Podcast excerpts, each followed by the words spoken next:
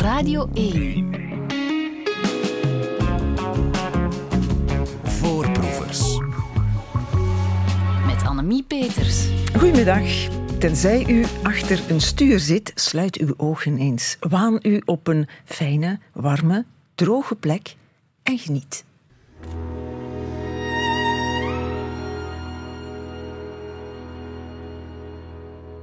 En bam, daar is de blinde muur.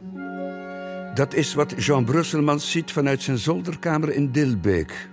De toen nog landelijke gemeente waar hij zich vestigt na tien keer verhuizen tussen 1911 en 1924.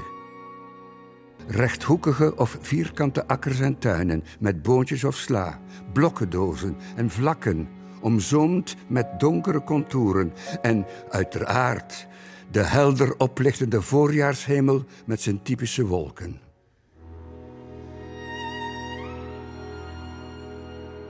Centraal in deze tuinen uit 1934 staat de in Vlaanderen al onbekende blinde muur.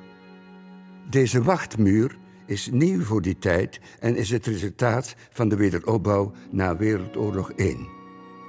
Met deze lelijkheid van rijwoningen in lintbebouwing, ver verwijderd van de romantische landschappen van zijn tijdgenoot Valerius de Sadeleer, schildert Brusselmans gedurfd een Vlaanderen van de toekomst. Dat was Jo de Meijer, zoals u hem deze dagen kan horen op Kunstuur in Mechelen. Kunstuur is een tentoonstelling, maar geen gewone. Het aantal schilderijen is beperkt en vooral, u krijgt er uitleg van bekende Vlamingen, niet live, maar als hologram, die zeggen iets interessants over en vaak ook iets persoonlijks bij de schilderijen aan de muur. Die schilderijen zijn echt, die zijn niet in hologramvorm. En het is eens een andere manier om naar kunst te kijken. En de bedenkers zijn mannen die goed zijn in niet evidente dingen begrijpelijk maken voor een groot publiek. Hans en Joost Bourlon, de bekendste van de broers, is hier. Dag Hans Bourlon. Hallo, goedemiddag. Ik heb nog een tweede gast aan te kondigen. Een man die producer is op de VRT, hier op de radio. Op de radio is het ook belangrijk om moeilijke dingen interessant te maken voor een groot publiek. En hij kan dat ook als de beste. Jos van der Velde, dag collega. Goeiedag. Jullie werken al jaren samen aan kunstuur. Hè, Jos, jij bedenkt verhalen bij die schilderijen die in kunstuur te zien zijn. En Jos, je bent nu eindelijk zo slim geweest om die verhalen ook eens in een boek samen te brengen.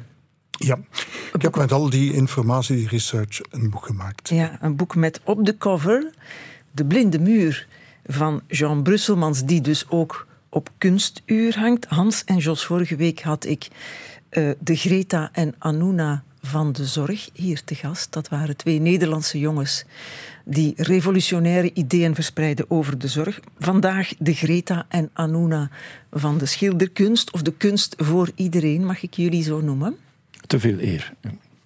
Ja, dat is geen vergelijking. Okay. Schilderkunst op de radio is niet evident, maar in deze wel, want er horen verhalen bij en verhalen kunnen we vertellen.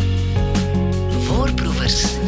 We baseren ons op twee non-fictieproducten in deze. Het eerste is Kunstuur, editie 6, als ik goed geteld heb. Um, in Mechelen. In varianten in drie steden. Hè. In Mechelen, Hasselt en Roeselare, vertegenwoordigd hier door zijn uitvinder Hans Bourlon. En het tweede is een boek, De mooiste geschiedenis van België, vertegenwoordigd door zijn schrijver, haar schrijver, Jos van der Velde, die ook meewerkt aan Kunstuur van jou, Hans. En Hans, jij schreef een voorwoord in het boek van Jos. Dat heet Kruisbestuiving.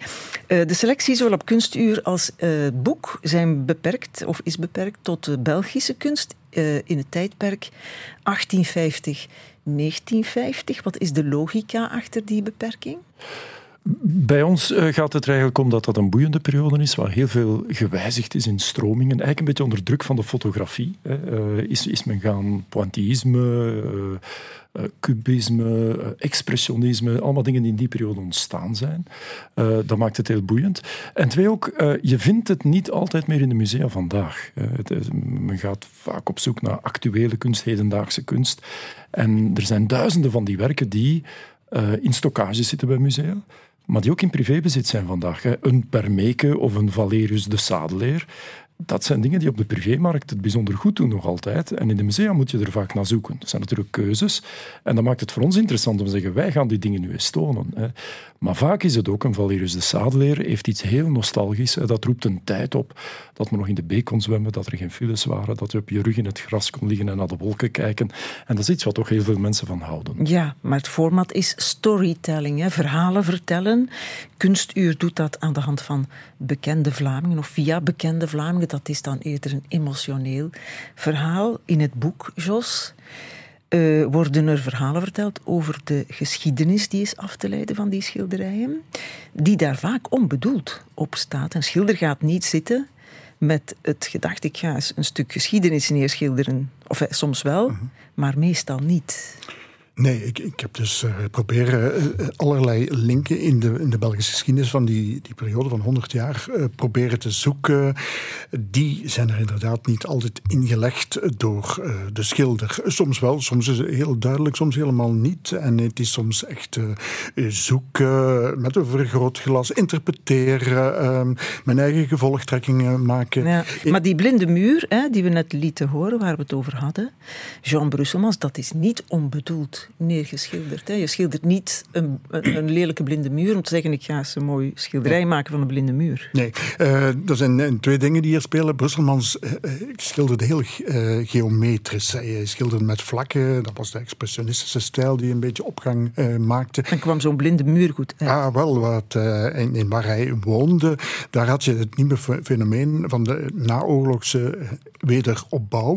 Hè, dat Vlaanderen doorgaans heel ultra liberaal eh, als het om eh, ruimtelijke ordening ging. Je mocht overal bouwen. Toen wilde men eh, reglementeren, strengere regels. En wat deed men? De stads woningbouw, de rijwoningen, transplanteerde men naar het platteland. Je moest bouwen zoals in de stad.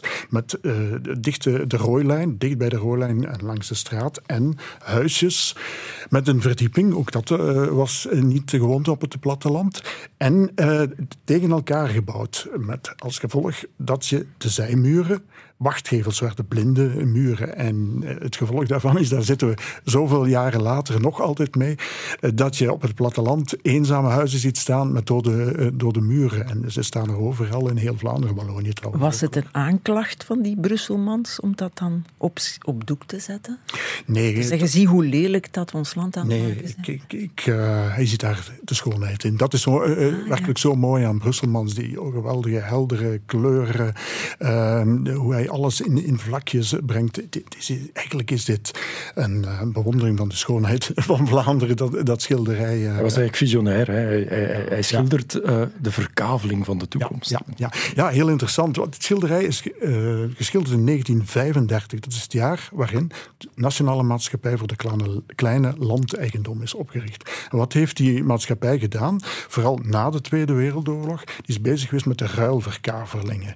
En op dat schilderij zie je allemaal kleine vlakjes, kleine uh, velden met uh, teelten. En uh, de noeste landbouwers zijn daar bezig. En dat heeft net die nationale maatschappij eigenlijk om zeep geholpen. Na de oorlog is men puur uit economisch ja, reden is men die veldjes bij elkaar gaan brengen. En men is daar grote oppervlakte van gaan maken, grote vlaktes. Brusselmans had dit niet meer kunnen schilderen. Nee, het is een toffe manier om naar kunst te kijken. Hè. Het is één keer je begint en je kijkt naar die prenten in jouw boek, die afbeeldingen of naar de schilderijen op kunstuur en je begint de oefening te maken van wat is hier te zien, wat iets zegt over die tijd, dan zie je veel meer dan wat je ziet als je gewoon naar kunst kijkt. Want verhalen zitten in nagenoeg alle kunst en alle schilderijen, behalve, denk ik dan, in stillevens. En ik heb het meteen mis, want er hangt me daar een stilleven op kunstuur. Het staat ook in jouw boek, Jos, dat zo een verhaal met zich meesleept dat je er stil van wordt. En Jelle Kleimans vertelt waarom.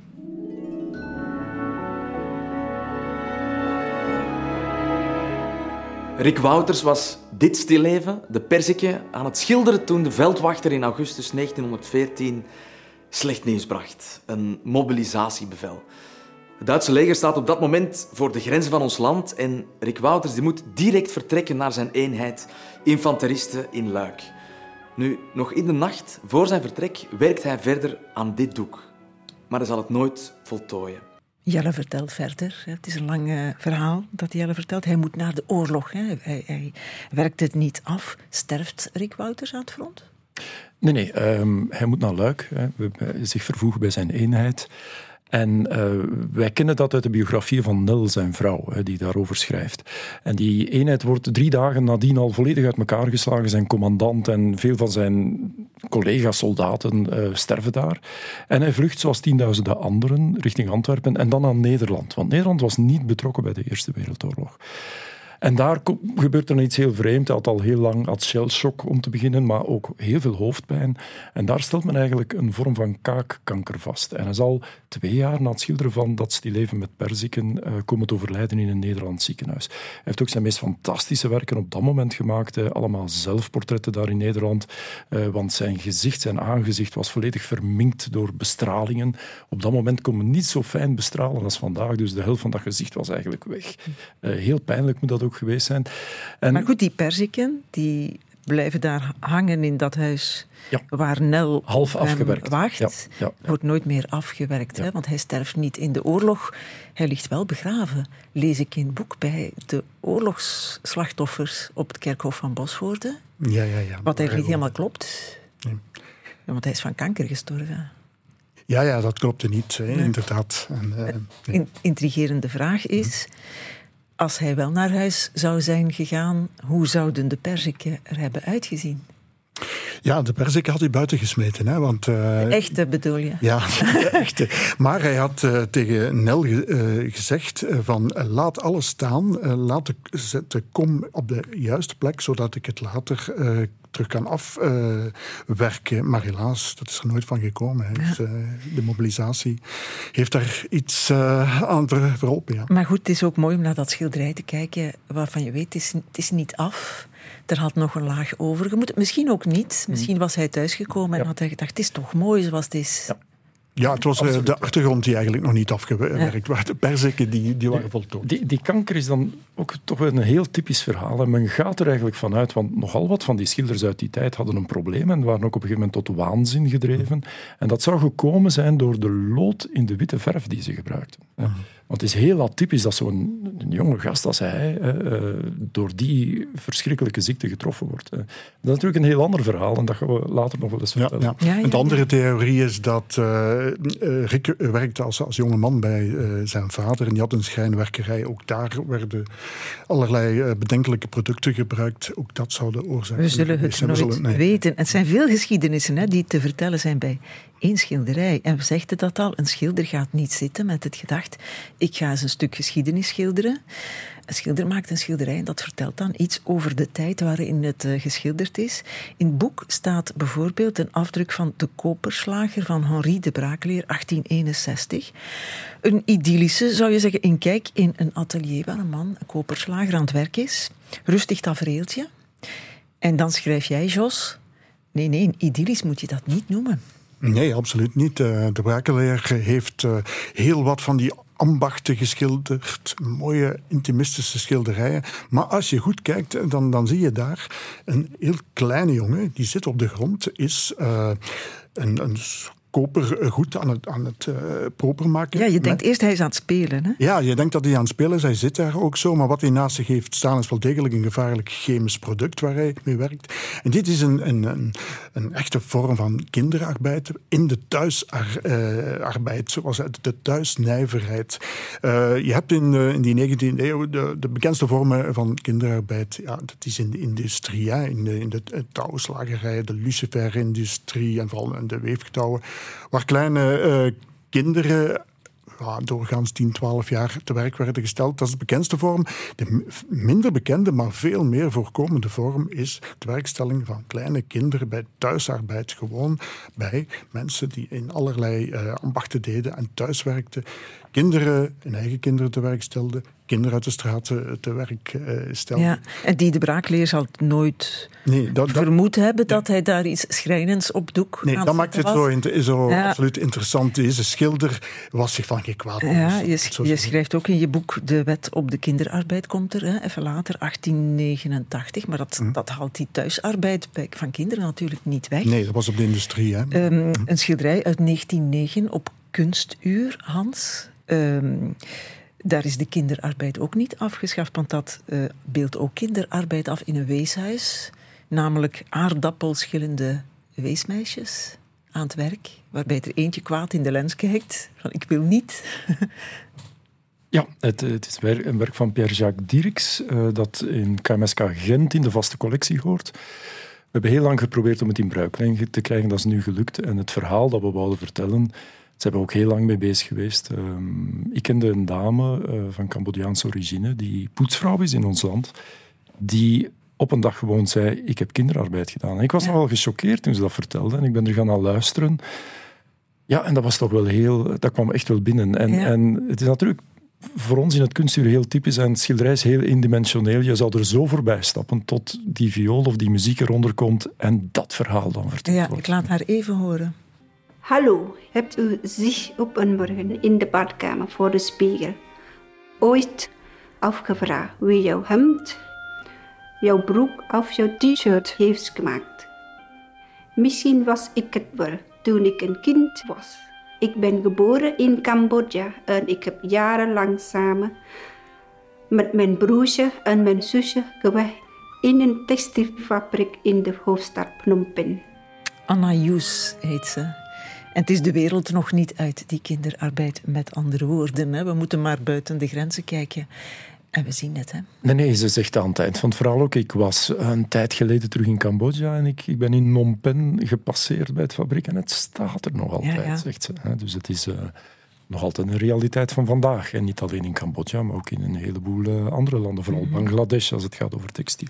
De koperslager toont kinderarbeid zonder daar ostentatief in te zijn. De weesmeisjes die aardappelen schillen zijn ook geen aanklacht. Hè? Gewoon een, een, een vastgesteld tafereel, zo stel ik mij dat voor. Maar je hebt ook schilderijen, en ze gaan dan niet over kinderarbeid, maar die provocatief zijn bedoeld. Denk ik toch een zeer mooi voorbeeld, is een schilderij van een fietsende vrouw. In jouw boek, Jos, het is een schilderij van Hubert Malfait. 1927, en je zou zeggen, een vrouw op een fiets. Et alors? Ja. Maar het is niet et alors. Dat was toen niet eh, zo gewoon en dat heeft hij daarmee ook eh, in beeld eh, willen brengen. Mag ik het even beschrijven? Ja, ja, ja. Je ziet daar een, een, een vrouw die echt eh, de vrijheid tegemoet fietst eh, door een straat, een beetje wijdbeens. eh ze ziet er modieus uit. En er is een, een, een on- niet onbelangrijk detail. Je ziet een beetje van de witte huid van haar, haar been. Hè, de opwaaiende jurken en, en dergelijke. Dus er is een vorm van sensualiteit in dat schilderij, maar tegelijk dus ook provocerend. Want in 1927, toen was, waren vrouwen op de, op de fiets nog eerder een zeldzaamheid. Die geraakten er niet op wegens die stang, hè, want fietsen hadden een stang. Dat is er al eentje. Je ziet hier eh, op dat schilderij een fiets zonder stal, eh, stang. Dat was een nieuwigheid, waardoor het voor vrouwen een stuk gemakkelijker werd. Met al die, eh, die rokken die ze anders over die, die stang eh, moesten heffen. Dus eh, dat maakte hier eh, al een verschil. Maar het was sowieso eh, nog, nog vrij nieuw. Want lang werd gezegd dat eh, eh, vrouwen mogelijk zelfs seksueel gestimuleerd konden worden door op de fiets te zitten. Ik denk dat Malfay hier ook eh, allusies op heeft gemaakt. En hebben vrouwen dat ooit beaamd?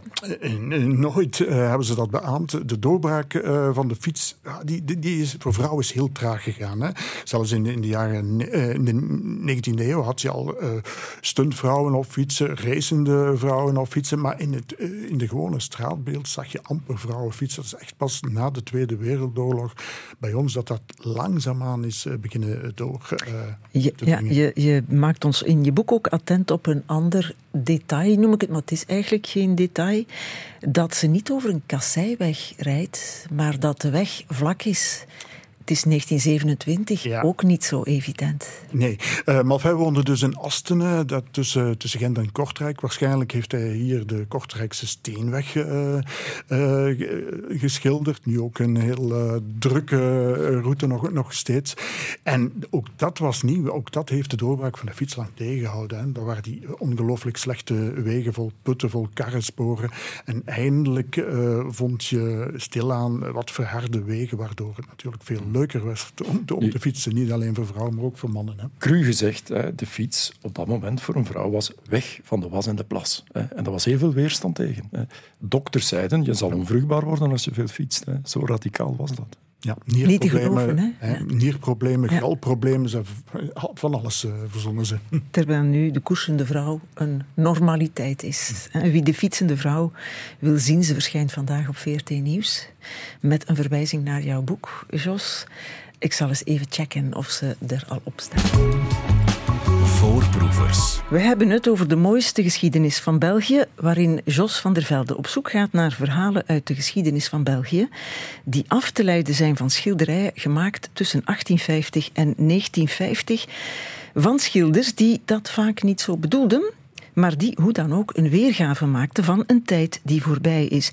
En we hebben het ook over Kunstuur van Hans en Joost Bourlon, dat in Mechelen, Hasselt en Roeselare een beetje hetzelfde doet op een andere manier, waar bekende Vlamingen verhalen vertellen bij Belgische kunst. Jos, even over die vorige boeken uh, van jou. Uh, waarin je ook op zoek ging naar geschiedenis. Niet via schilderkunst, maar wel uh, verborgen en verloren geschiedenissen in Vlaanderen, heten die boeken toen. Nu heet het boek De mooiste geschiedenis van België. Terecht ook, want je hebt nogal wat Waalse schilders erin gezet. Hans ook op kunstuur passeren nogal wat Walen. Klopt, uh, vaak in Vlaanderen onbekend, maar toch wel uh, mm -hmm. krachtige schilders. Je zegt daar wat, hè. Ik kan geen enkele, echt waar, hè, Waalse schilder uit het hoofd opnoemen. Zegt dat iets over mij of iets over de Waalse schilders? Ja, je, had bij ons de Latemse groepen in die periode die heel bekend waren. Wel in Wallonië, Henegouwen en de bredere regio's Brussel had je ook de Nervia-groep, geleid door een zekere Antoine Carte, die de, de baas was van de academie in Brussel. En zijn artiestennaam is Anto Carte. En die schilderde heel gelijkaardig, uh, zoals Gustav van de Woestijn eigenlijk. Ja, Victor Leclerc haal ik uit tentoonstelling en boek Anto Carte, inderdaad. Pierre Paulus, kennen de Walen die? Weet het, als je die namen noemt, weten ja, zij... Anto Carte heeft een eigen museum in Bergen. Hè, ja. dus, uh, al dan niet uh, gefaciliteerd door Elio Di Rupo. Ja, en uh, Paulus die zegt synoniem uh, voor het industriële tijdperk, Le Pays Noir, uh, de mijnen en, en dergelijke. Ja, maar zijn die, e- zijn die even befaamd als een Rick Wouters hier, of een Emile Klaus of een Floris Jespers? Maar Jaspers is misschien geen goed voorbeeld, maar Wouters, wij hebben, ik denk, uh, als je het zo zegt, uh, dat wij iets meer uh, nog leven met onze schilders uit, uit die periode dan in Wallonië. Dat, dat kan je, je wel zeggen.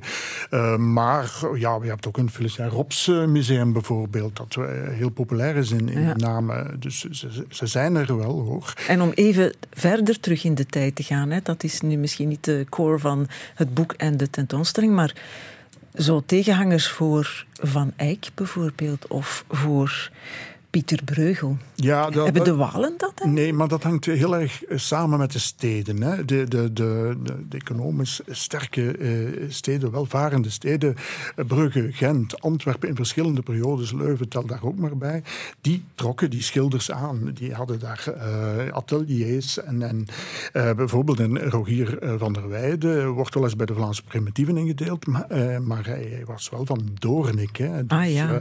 en dus je mag die grens ook niet trekken als je verder teruggaat. Nee, je mag niet zo Vlaams denken, want wij waren Nederlanden natuurlijk ook. Zuidelijke Nederlanden, je had de prinsbisdom, Luik dat iets anders was. Dus het is heel moeilijk om dat naar het verleden te transponeren. Oké. Okay. Wat mij opvalt bij die Waalse schilders, op eerdere kunsturen ook, die ik gezien heb in het boek ook, is dat die toch niet tussen 1850 en 1950 bossen schilderen, of herten of everzwijnen. Ik heb geen enkel schilderij zo gezien. Die schilderen de industrie, staal, de mijnen. Zijn die geëngageerder dan de Vlaamse? Wel, wat, op dat moment uh, gebeurde, is dat Wallonië een zeer rijk gebied was, een van de rijkste van Europa zelfs. Hè. Uh, met alle gevolgen van die natuurlijk. Hè. Enorme pollutie, uh, arbeiders die die echt het beste van zichzelf moesten geven. En, en die scènes zijn wel ook geschilderd. Hè. Uh, Anto Carte heeft veel uh, scènes uit de mijnen geschilderd. Hè. En ook de dramatische ongelukken die toen gebeurd zijn, zijn ook gevisualiseerd door hen. Hè. Op dat moment waren Vlamingen meer landbouwers. Hè. Um, de industrie kwam eerder op in Wallonië. Dat had met steenkool te maken. Onder andere, ja. Ook, Hè? De, de, de rijkdom die in de grond zat. Steenkool, die, metaal, uh, al dat soort dingen. En uh, ondertussen waren Vlamingen heel vaak of aan de slag in Wallonië of in Noord-Frankrijk in de bietenoogst, bij wijze van spreken. Hè. Ja. Wij, wij, waren dan eerder degene die, en, en Jos beschrijft dat mooi in zijn boek, hè, die... Uh, die op, op de vlucht gingen naar een beter leven. Dus wij schilderden op dat moment nog boeren, stillevens. Ja. En, maar je had uh, ook uh, Vlaamse schilders die, die naar daar trokken. Het, zoals Constantin Meunier was eigenlijk een, een, een Vlaming. Uh, maar hij ging daar schilderen. Het, het, het heldhaftige, de heroïsche proletariër, de ja. arbeider. Er staat zo'n schilderij in jouw boek, hè, De smeltoven te Oegré. Ja, ja. 1880. Ja, ja. Is dat dan ook een aanklacht? Want dat is toch zo ongeveer de tijd dat de, de, de, de de vakbonden ja. beginnen. Ja, ja, ja. De sociale, strijd, de sociale kwestie is vooral ja, de jaren tachtig van de, de 19e eeuw, toen het begon. Uh, toen uh, de Belgische Werkliedenpartij werd opgericht. Uh, echt, men organiseerde zich toen. En ja, nee, nee dat, hij was geen barricademan. Hè. Wat hem interesseerde was, hij wilde het beeld, het, het, het, de eerbied, het respect dat hij had voor die arbeiders, dat wilde hij tonen. En hij heeft dat eigenlijk, de mijnwerker heeft hij eigenlijk ook ultieme beeld, een beetje, vooral met zijn beeldhouwwerk van gemaakt. Hè. Dus uh, nee, het, vol respect, dat schilderij en Oegré trouwens, daar, de hitte straalt daarvan af. Hè. In zo'n uh, smeltoven hij heeft dat heel mooi gereconstrueerd, wat daar gebeurt met alle, allerlei handelingen. Hij wou echt laten zien hoe hard deze mensen voor ons, voor het België van toen hebben gewerkt. Ja, en of dat dan Walen of Vlamingen waren, die, dat had allebei gekund, hè, die daar aan het werk waren. Wij maken uh, musea over Vlaamse migranten die naar Amerika gingen.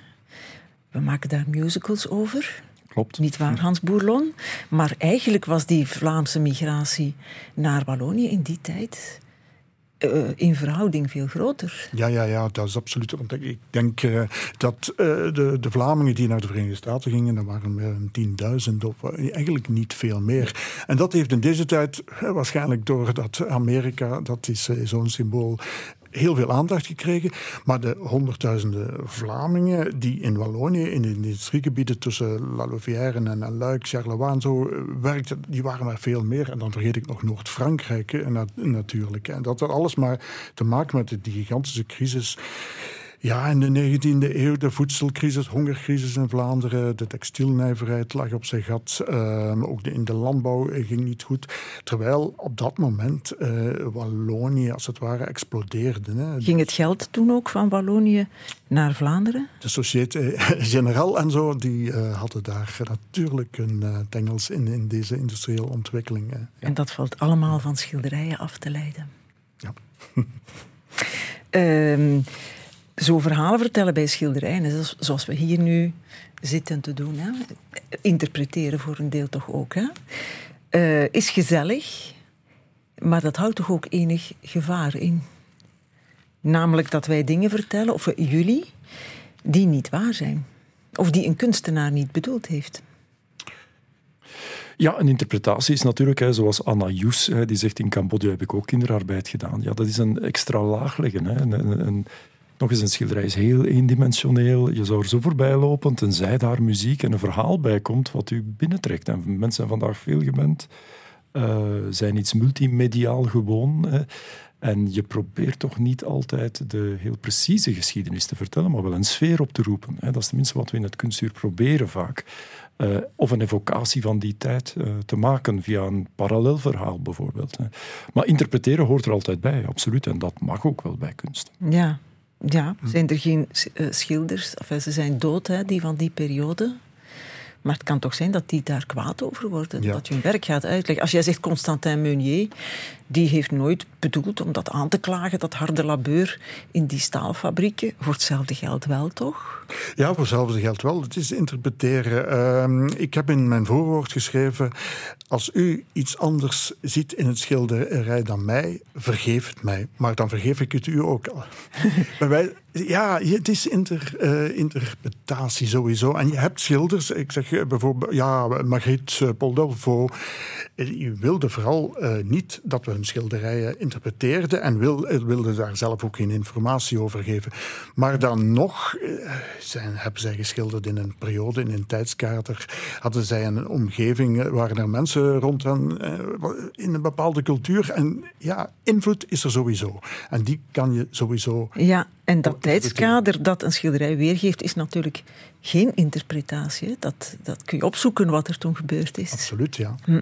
Het is ook mooi hè, dat je je eigen ding kunt zien in kunst. Dat maakt het net zo mooi. Absoluut, en ik zou heel graag uh, sommige van die schilders eens, uh, het gaat natuurlijk niet, eens horen wat ze ervan vinden, uh, hoe wij daar iets over vertellen. Hè. Ja.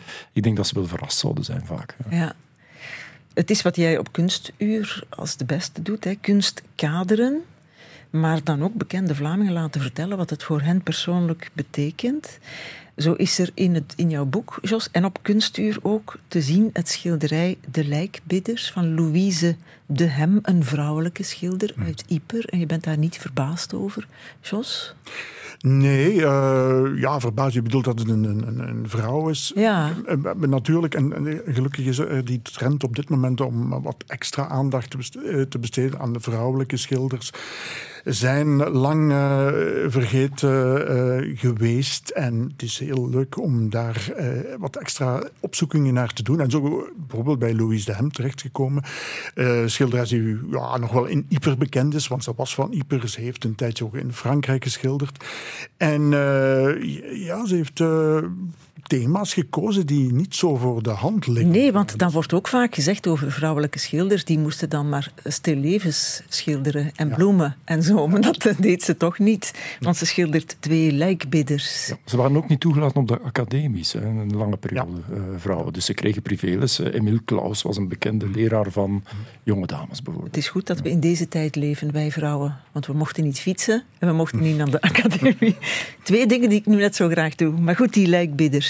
Het is een prachtschilderij. Het hangt op uh, kunstuur ook. Het stelt twee lijkbidders voor. Is dat wat wij nu verstaan onder begrafenisondernemers? Eigenlijk wel, ja. Ja, maar toen ging het nog iets, iets verder. Hè, want die, die lijkbidders die kwamen ook melden. De vreselijke job uh, wanneer iemand overleden was, iemand verongelukt was. Zij kwamen aan, aan, aan, aan de deur aanmelden. Iets wat nu politie en, en, en of artsen doen, dat deden zij ook. Zij hadden een, een soort verantwoordelijk van alles wat met de dood te maken had in, in, een, in een dorp de aasgieren van Morris. Ja, van ja Lucky Luke. Eh, meestal hebben ze een heel slecht imago. Hè. Bij, inderdaad, bij, bij Lucky uh, Luke uh, in, in het zwart, uh, vreselijk mager, de dood in levende lijven zou je kunnen zeggen. Maar dat is dus helemaal niet het geval op dat schilderij van Louise de Hem. En dat maakt het zo mooi. Het is heel dubbel. Je ziet twee mensen Eén uh, man kijkt eigenlijk minzaam en troostend ons aan, recht in, in de ogen. Dat is de ene kant. En de andere kant is, ja, die Lijkbeer die kijkt weg, heeft een heel mager uh, gezicht. Een aasgier een beetje. Ja, maar ook daar spreekt hij dan die angst voor de dood uit. Ja. En, en Louise Hem heeft beide dingen getoond. Uh, ja, die Lijkbidders zijn beide voor haar. Ja, en ik zei het al, je ziet in een schilderij wat je ziet in een schilderij. En je voelt daarbij wat je voelt. Op kunstuur vertelt Michael van Drogenbroek bij dat schilderij iets heel moois. Het is misschien wat vreemd, maar als kind droomde ik er niet van om astronaut te worden of brandweerman, zelfs niet journalist, maar wel begrafenisondernemer. Ik heb ook de studies daarvoor gevolgd. Ik ga voor in uitvaartplechtigheden. Ik ga eh, overledenen mee verzorgen en ophalen eh, als ik daar in het weekend tijd voor heb. Ehm, dat zijn heel bijzondere momenten. Ik heb dat ook bij mijn eigen grootouders gedaan, hun de laatste keer verzorgd en in de kist gelegd. En ik vind dat nog altijd mooi dat ik dat kunnen doen heb. Mensen bijstaan tijdens de moeilijkste momenten van hun leven vind ik het mooiste wat er is. Het is een Michael ver van de Wetstraat. Klopt, ja, hij heeft dat ooit Sumir in een interview verteld. Ik heb dat uitgeknipt en ja, dat, die link was evident. Eh, Ja. Om hem dat dan te laten vertellen en hij heeft dat prachtig gedaan. Ja, dat is het mooie aan kunstuur, hè, dat persoonlijke verhaal. Ook in het boek, Jos, voeg jij daar dan nog wat wetenschap aan toe? Een beetje geschiedenis, dat je weet dat de concessies nog niet zo lang bestaan, bijvoorbeeld. Dat leer ik uit jouw boek. Nee, nee. Bij dit schilderij. Ja, vroeger was het een en al eh, chaos. Je had wel lokale regels. Het is eigenlijk eh, Napoleon die dat eh, heeft beginnen te reglementeren. Dat is pas van, vanaf dan. En dan nog eh, ging het op, bepaalde momenten heel chaotisch aan toe op de, op de kerkhoven. Het meest verrassende dat ik zag op Kunstuur in Mechelen is het schilderij genoemd Een roeping. Het is van 1875 en het is geschilderd door Alfred Kluizenaar. Vertel eens, Hans, wat er op te zien is. Ja, het is een werk van KMSK Brussel, eh, wat daar ook in de vaste collectie hangt. En je ziet eigenlijk een jong ventje dat eh, aan zijn gezichtsuitdrukking te zien het moe is. Eh, hij heeft een, een potlood in zijn handen en een verfrommelde tekening ligt op de grond. Hij is de zoon van de schilder en je ziet duidelijk, de titel alludeert erop, een roeping, dat de vader wil dat zijn zoon ook tekenaar of schilder wordt. En Want dat, manneke is ook maar een jaar of drie. en dat is nog niet zo evident. Nee, Ja, hij heeft een- inderdaad een tekening gemaakt en is het beu. Hij zit bij. Ja. Eh, Sven Nijs heb jij gevraagd om daar iets bij te vertellen. Hij doet dat op ontroerende wijze. Alfred Kluizenaar heeft dit schilderij een roeping genoemd, omdat hij echt wel hoopte dat zijn zoon in zijn voetsporen zou treden. Waren de verwachtingen te hoog? Uiteindelijk niet, hè, want zijn zoon André, die je hier ziet, die zal het beter doen, veel beter dan zijn vader. En hij zal beroemder worden, veel beroemder. Want André schilderde in Engeland de koninklijke familie en een groot deel van de Engelse adel. En zijn werken hangen nu in de National Gallery in Londen. Waarschijnlijk weten jullie al waarom ik hier sta. Ik ben de vader van Thibaut Nijs, wereldkampioen cyclocross bij de belofte. Toen ik nog kampioen was, reed hij al met zijn fietsje naast mij in het veld. En die beelden waren heel vaak te zien op tv. Maar vandaag bewandelt hij zijn eigen weg en realiseert hij zijn eigen dromen. En ik begeleid hem. Heel eerlijk, soms, als ik naar hem kijk, dan kan ik moeilijk geloven dat die man die ik daar zie fietsen, ooit mijn kleine jongen was. Ja, ja. Sven Nijs. Ja, dat is het kunstuur ten voeten uit. Hè. Die combinaties, eh, heel, heel... Je verwacht Sven Nijs niet bij zo'n schilderij. Nee. En dan vertelt hij toch iets wat er heel dicht tegen zit. Wat u ook helemaal binnentrekt in dat werk. eh, en u een heel bijzonder gevoel geeft. Ja. Hoe heb je dat gedaan? BV's gevraagd, kijk eens naar schilderijen hier en kies er eens Ja, één uit. Er was ook een artikel eh, waarin hij iets dergelijks vertelde. Eh, hij begeleidt zijn zoon en, en hoe hij daarnaar keek. En hij is ook eh, een goede spreker. Dus eh, we hebben dat grondig met hem besproken. En weet je, het- verhaaltje duurt maximum twee minuten, dus elk woord moet juist zitten. En, en bij die opname gaan we echt minutieus te werk. En daarna maken we ook eh, montages tot het echt goed zit, woord na woord. En dan heb je natuurlijk die fantastische muziek van Dirk Brosset, niet te onderschatten wat die aan meerwaarde geeft. Past er ook zo'n schilderij bij jullie eigen geschiedenis? Of een periode in jullie leven? Goh, eh, ik hou heel erg, het is een beetje klassiek, van Valerius de Sadler. Waarom? Om, die was van Aalst, ik ben ook van die omgeving. En mijn grootvader heeft opleiding in Aalst gevolgd op de academie, was een kunstschilder. En schilderde helemaal in de trant van Valerius de Sadler. Hij heeft nooit dat geniale niveau bereikt. Eh, maar dat is wat ik uit mijn jeugd ken. Mijn grootvader die aan die schilderzezel zit en ik die daarnaar kijk. En al die boeken die daar rondslingerden van eh, die schilders. En daar zit mijn roeping. Ehm, dingen die je uit je jeugd hebt opgezogen, eh, ja, die flakkeren later als je ouder wordt weer op. En, en ik ben zo blij dat, wij, of dat ik samen met mijn broer eh, daar het kunstuur heb kunnen rondmaken. En jij, Jos?